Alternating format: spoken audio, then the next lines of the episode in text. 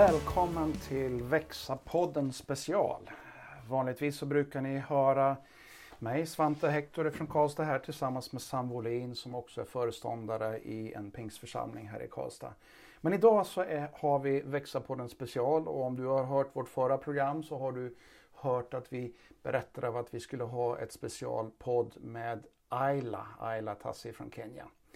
Eh, och eftersom Ayla inte talar svenska så kommer vi att ha vårt samtal på engelska bara. Så att, eh, och vi kommer inte att översätta det här men, men eh, jag tror att de flesta utav er som lyssnar här ni, ni, ni hänger med på engelska. Och vi ska försöka att inte ha en komplicerad engelska. Så ledarskap, lärjungaskap, växande är fokus på den här Växa-ponden special med Ayla Tasse. Welcome Ayla. From Kenya. Thank you. Uh, I've just introduced you. You're my friend since a good number of years, yep. and I visited your home. I stayed in your home. I visited the place where you work in Kenya, and now you have come to Sweden. Why have you come to Sweden? Well, uh, for two things. Mm. One, uh, I'm here in Sweden to rest and also visit my friend as well because you did visit my home. So I came to visit you in return. Secondly, I'm here to pray for Sweden as a country. Why? Because for many years, uh, you will find Swedish mission and missionaries all over the world, and they gave a lot. A number of Swedish missionaries left this country. Some of them died overseas serving God. And so, in return, I'm back here to thank God for the the Sweden as a country and the Swedish people, but also pray that the same thing that they, they were doing overseas can also happen here. At this time, that that the generations are changing in this nation, so that's why I'm here. So you're here to rest, to visit a friend, but you're here to pray. To, to pray, yes. Wow, wow, that's interesting. Now, uh, for people who don't know you, Ayla, we, we need at least to say something about you and your life. And I know that you have a very interesting story. Uh, it's a long story. We could actually record a, a number of pod pods about th that story. But I would describe you as an apostle. You, I know you don't call yourself an apostle, but I see that function in you. And just share a little bit about your journey with Jesus as a disciple and as a leader? Well, I was uh, I was born and grew up in uh, northern Kenya. Uh, born in a, a very uh, Muslim uh, family and background, and uh, I was practicing, but I didn't know much about Christianity. I didn't know much about missions and all those stuffs because of where I was growing up.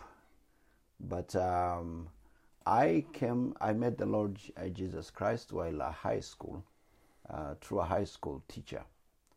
And uh, the things that drew me to Jesus was not because I needed another religion beside what I heard. What drew me to Jesus was the statement that I had from the teacher. I was in the hospital actually dying in, of cerebral malaria. And the teacher started sharing with me. And first, the challenge was, Where will you spend eternity if you die? In, and obviously I didn't know. I was just a good practicing religious person, but there was no, um, the, the, the, there wasn't any uh, understanding or you know or of where I would be after this life.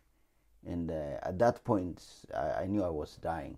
There was no assurance for me whatsoever. And then uh, he, part of our discussion, he, he told me that my sins will be forgiven if even I hear. I, he's a he's a Christian, so I know that. I told him I'm I'm I'm not. I don't want to be a Christian. Uh, to me, in my context, to be a Christian means change your name, change your culture, all these things. So I really didn't had a need of doing those things because I was comfortable in my religion. But when he mentioned the word "and your sins can be forgiven," for the first time I heard that sins can be forgiven.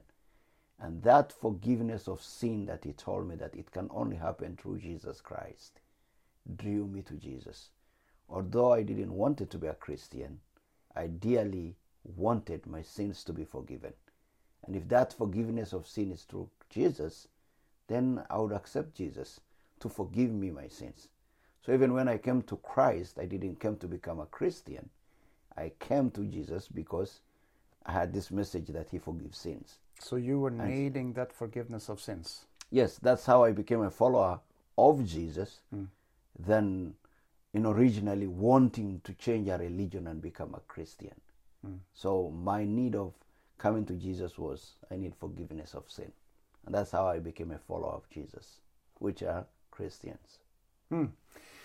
So Ayla, you are not the usual person. You are a, you are a quite different person. If I would label you, I, it wouldn't be wrong to, as I already mentioned, to label you as an apostle in your function, but you are also a pastor. But you are you, you are beyond that. And when I when I've been spending time with you and seeing the people that you work with, that that, that you lead, I keep hearing a lot of times, rather than speaking about church, you speak about the kingdom of God. Why is that so?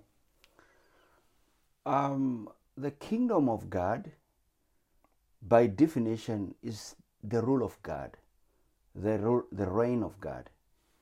And the church is the agent of the kingdom of God. The church was called, or the church was born, from what we read in the book of Acts. It's to advance the kingdom because the, the main, the big picture is the kingdom of God when you look at church, when you look at Jesus and the preaching of Jesus, the message of Jesus was about the kingdom of God. You know, John the Baptist says, you know, the kingdom of God. He talks about the kingdom of God that is coming. And when Jesus came, he said, the kingdom of God is here. And now, when Jesus commanded the, the disciples or the church, he says, go and preach to the world, and the message is the kingdom of God you basically look at Matthew chapter 9. It's so well defined. Verse 35 to 38 in between, you read it says Jesus went from villages to the cities to synagogues preaching and healing, but also the Bible says teaching them about the kingdom of God. And that kingdom is God being the king and his realm of ruling and his ruling in the hearts of men and women. And so God's kingdom is God who rule in their lives. But that kingdom is not only with only within our human life, it's a shalom. It's the peaceful coexistence between us and God, man to man, and man to the environment and where we live. It's the shalom that we lost in the Garden of Eden that God is restoring through His Son Jesus Christ. Now, now you are a Kenyan. Your family originates from Ethiopia, but you're a Kenyan. You have traveled the world. You have been to North America. You have been to Europe, many different countries, to Asia, Middle East, and, and, and whatnot. How does this kingdom of God look like in different places? Well, the rule of God, the shalom in our hearts, everywhere you go, that that uh, whatever you see God doing in the hearts of men, it's God drawing men to Himself. Because the need for salvation, the need for shalom, even in the broken society, it is there. God is calling. Context can be different, cultures can be different, but the need of forgiveness of sin, the need of belonging. You know, one of the prayers of Jesus when he taught his disciples said, Teach us how to pray. Jesus began by saying, uh, Our Father who art in heaven, hallowed be thy name. Thy kingdom come on earth as it is in heaven. That part of the God's kingdom on earth. That means where God's rule is recognized. Not the whole world is yet there, but there is the need for that. And that's why in many countries that I've visited, at times you see a lot of chaos and fighting and all those things. What we need to pray for is the shalom, the rule of God.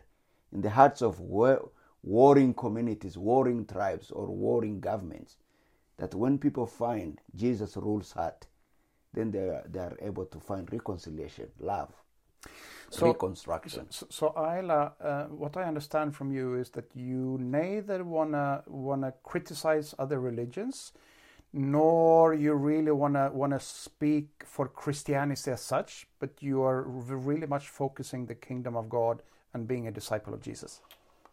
Yeah, my case is the the the the, the world has so many religion. You see, religion is about man trying to reach God. That's religion. Man trying.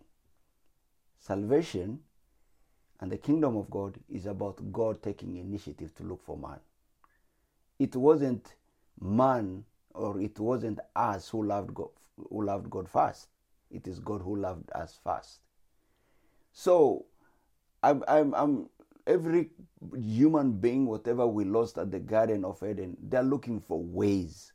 So when they create those ways of trying to get to God, is what religion is. But my case is not about religion. I'm not talking about the advancement of religion. I'm talking about the advancement of the kingdom of God. That this God who loved the world gave his only son. God did not have discussion with anyone. God did not receive any application letter to do that. By his own initiative, by his own love, he gave his only begotten Son, so that who believes in him will not perish but have eternal life. So, Christianity is not religion by definition. I wouldn't put Christianity in the class of one of the world religion. Then Christianity becomes a way of man trying to reach God. I would see Christianity is a way of salvation because God designed, gave us His Son. But, but, but yet many people do, do, do categorize Christianity as one of the religions. Well, uh, because um, because that is how human being thinks. We, as a human being, we always want to mm. see things that we can identify and categorize. Mm. But biblically, yeah. it is God who so loved the world. The yeah. Bible says in Romans five, it says, "While we are yet sinners, God demonstrated his love. Now, let, us not go uh, down the route of, of, of focusing too much of, of, religion, but I think what really is interesting here, I think, for us as leaders, because this pod is basically for disciples and leaders and leaders and disciples, which are two sides of flip sides of the coin, the same coin in a sense. Um, the interesting and important thing from what I see in your life and what you're doing is that focus of the kingdom of God and being a disciple. And you speak a lot about listening to the Holy Spirit, right? Yep. Now, we'll come back to that, uh, but uh, you spend most of your time actually investing in other leaders, in other people to be leaders you often talk about catalyzing and you invest a lot of time in other leaders. What are the key things that you look for before you really want to invest in someone?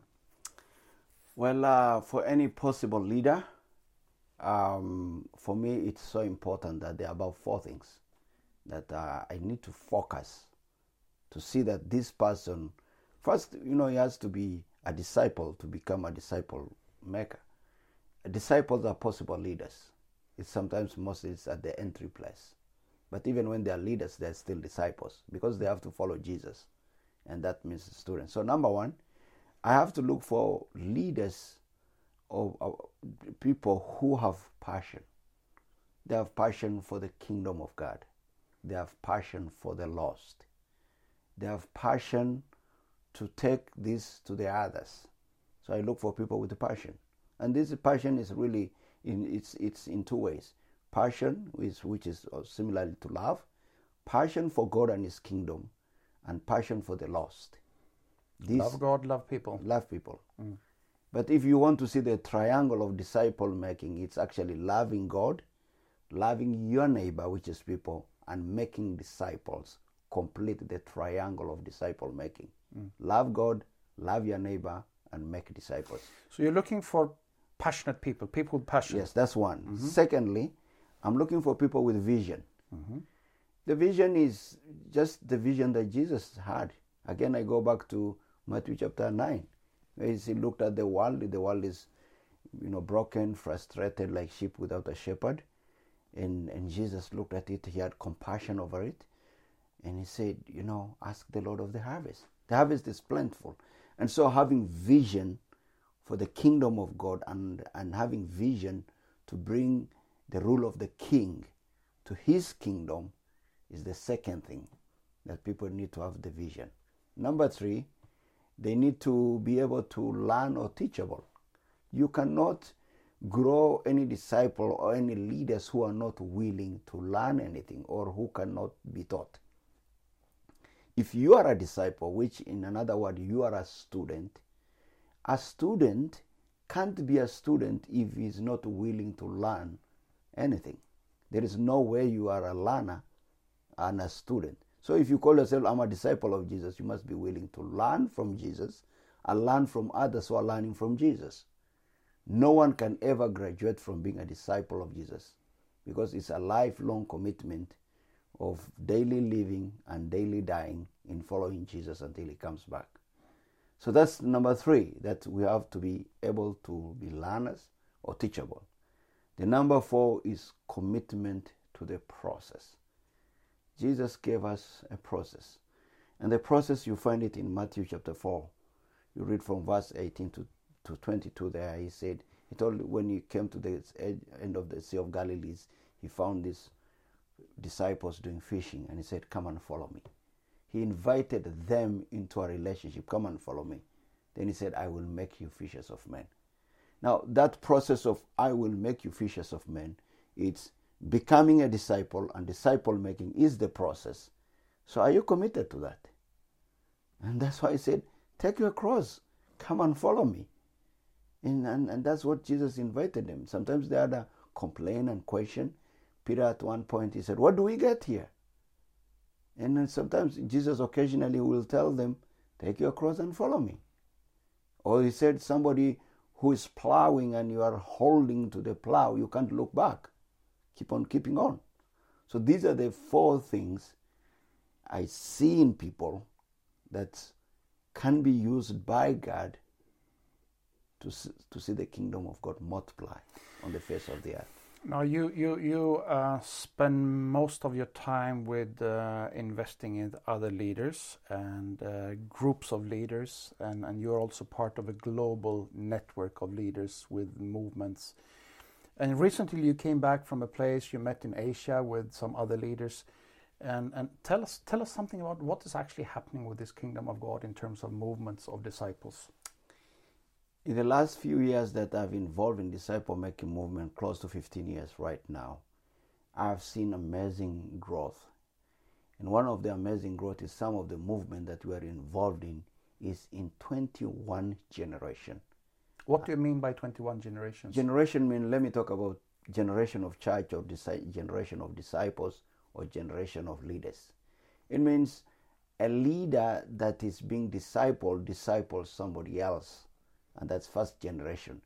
The leaders that disciples the next person, he's the third generation of the first leaders. But this is not a one long line. All these leaders at their own generational levels are multiplying. And this is simply what we read in, in John chapter 15 the fruit that multiplies. When it multiplies, fruit that remains, which is sustainable. And so, uh, when we talk about generation, for example, of a church, because we also count as church as leaders and as disciples, as a church, we look at in our own description movement in terms of 100 churches in four generations uh, in a period of time. But these leaders are keep on reproducing because they have this DNA in them of the kingdom of God that keeps on multiplying like a good seed. If you had a seed, each seed has a life in it that a seed of a maize, when it's a good seed and has no defect in it, you plant in a soil, you do not expect a seed back. In one from one seed, you expect a comb, and that can be having a 300 other seeds that has life. And so the kingdom of God is a kingdom of movement. When Jesus said, Our soul went out and said, and put that seed in a good soil, so that seed multiplied 30, 70, 100, and beyond. That's almost 110% multiplication from one single seed that produces 30, 70, 100, and so on. And, and that's a parable of the kingdom of God. Mm. Good seed, good soil. Now, Ayla, you come from Africa, and sometimes I hear um, in Europe and maybe North America as well, I hear, uh, well, those things, you know, like what you're talking about, that movement up to 21 generations, that can happen in Africa or maybe Asia or somewhere else, but doesn't happen here in Europe. Uh, what, what would you say to those people? Well, the Word of God is the Word of God. Context is different, but it applies everywhere. Sometimes people feel it does it happens in some places, it doesn't happen in other places. The the, the, the thing is the sower has also need to be intentional to choose between the four different soil that he chooses. And some people say in Europe there is hard ground, there is a stony ground. But even in Europe, like many other places, even in Africa, there are good soil. The, the secret is good seed, good soil that reproduces. Not the seed fell on the road, on the rock, and on that. In Europe, Europe is in the post-modernism uh, situation, and many people do not see things in terms of the organized religion. But I don't, I can't say that people in Europe are not spiritual people. They're human beings. They have the need of God. They occasionally talk about God. They may, they may not be interested in the Christianity as it is as a religion, but they're interested about God. How do you package and present the gospel to a European person who doesn't want to see things in the language of a religion? Where do they meet? What do they talk about? How do you plug into their conversation of spirituality? How can you take people from what they know to what they don't know? Now, this is not your first time in Sweden. It's definitely not your first time in Europe. You have been to different countries. Yep, yep. Uh, as I understand, also very intentionally, you also said you have come here to pray yep. uh, this time. Where do you see the good soil in Europe? Where do you see the good soil in Scandinavia? Well, I see the good soil. Uh, one right now, Scandinavian countries are catching areas for immigrants. You see God in His own design and eternity plan, leading people from the rest, part, the other parts of the world, to have their final destination in Scandinavia, whether it is in Denmark, Norway, Sweden, Finland. This is where people are coming. So, uh, this this land is becoming a missionary uh, field. That uh, you have a new emergency of missions and missionaries coming knocking at the door of your church. It's an opportunity than a challenge itself. And so this is one that you need to plug. But for the people existing here, among the younger generation, who really doesn't know the past, they know about the history of Christianity, but they have never experienced God. And they may not be interested with the church language, but they wanting, needing to know uh, how they can again start thinking about God. How do you create the thinking? How do you create conversation? Which platform will you use? How eventually do you create a community? Because there is a lot of individualism in this part of the world. How do you create a sense of community where people live as individuals? Where do they meet? You can't say they are not meeting somewhere. They may not be in the church buildings, but they are gathering somewhere. How do you do that? I observed that one. Uh, like I was uh, last year in Germany, there's a group called Jesus Freaks. These guys are thousands of people. And I went to that event, I think it was at least 3,000 people meeting. And as I looked at that, it was a movement. They don't want to identify themselves with church or whatever. But all I knew is they said, We love Jesus, but we don't like church. There must be a reason why they don't like church. Maybe the church in its form today is not presenting itself well. It doesn't make sense for them. But so, how do you have them love, fall in love with Jesus again? There must be a love language for Jesus and other things. So what I hear from you here that, that, that you're observing there is a there is a distance in some cases between people who really love Jesus, but they don't find a place for their love for Jesus within the church traditional church context. That's yeah, what I hear yeah, from you. Yes. Now, now, what is your advice? Now we, we we're winding up this uh, this podcast. Maybe we'll have to, to do another one again. uh, but but uh, to wind up this podcast, what is your advice to the leader, to the disciple, to the leader who is listening to the, this podcast, and really want to meet those people, like the example you shared? You know, people who may be passionate about Jesus but don't see how they ever would want to be part of a traditional church culture. What, what is your advice? Well, one, it's always prayer. It begins from a place of prayer. Pray for them. Pray wherever they are. So let's begin with the prayer. Really asking God. Prayer is both for you and for them. For you is God to lead you on how to start this. For them is God to open their hearts the way He opened the hearts of Lydia in Acts chapter 16. So that's secondly, is to make to do a research find out where are they meeting, what do they do when they meet, what do they like.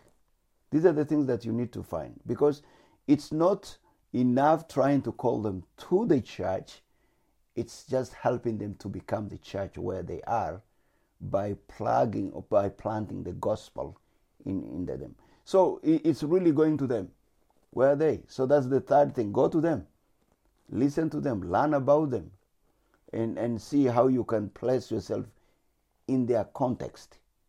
And so that is also very important because if they don't have a need for coming to a building where the church meets, could they become a church where they are by doing the functions of the church within the context where they are?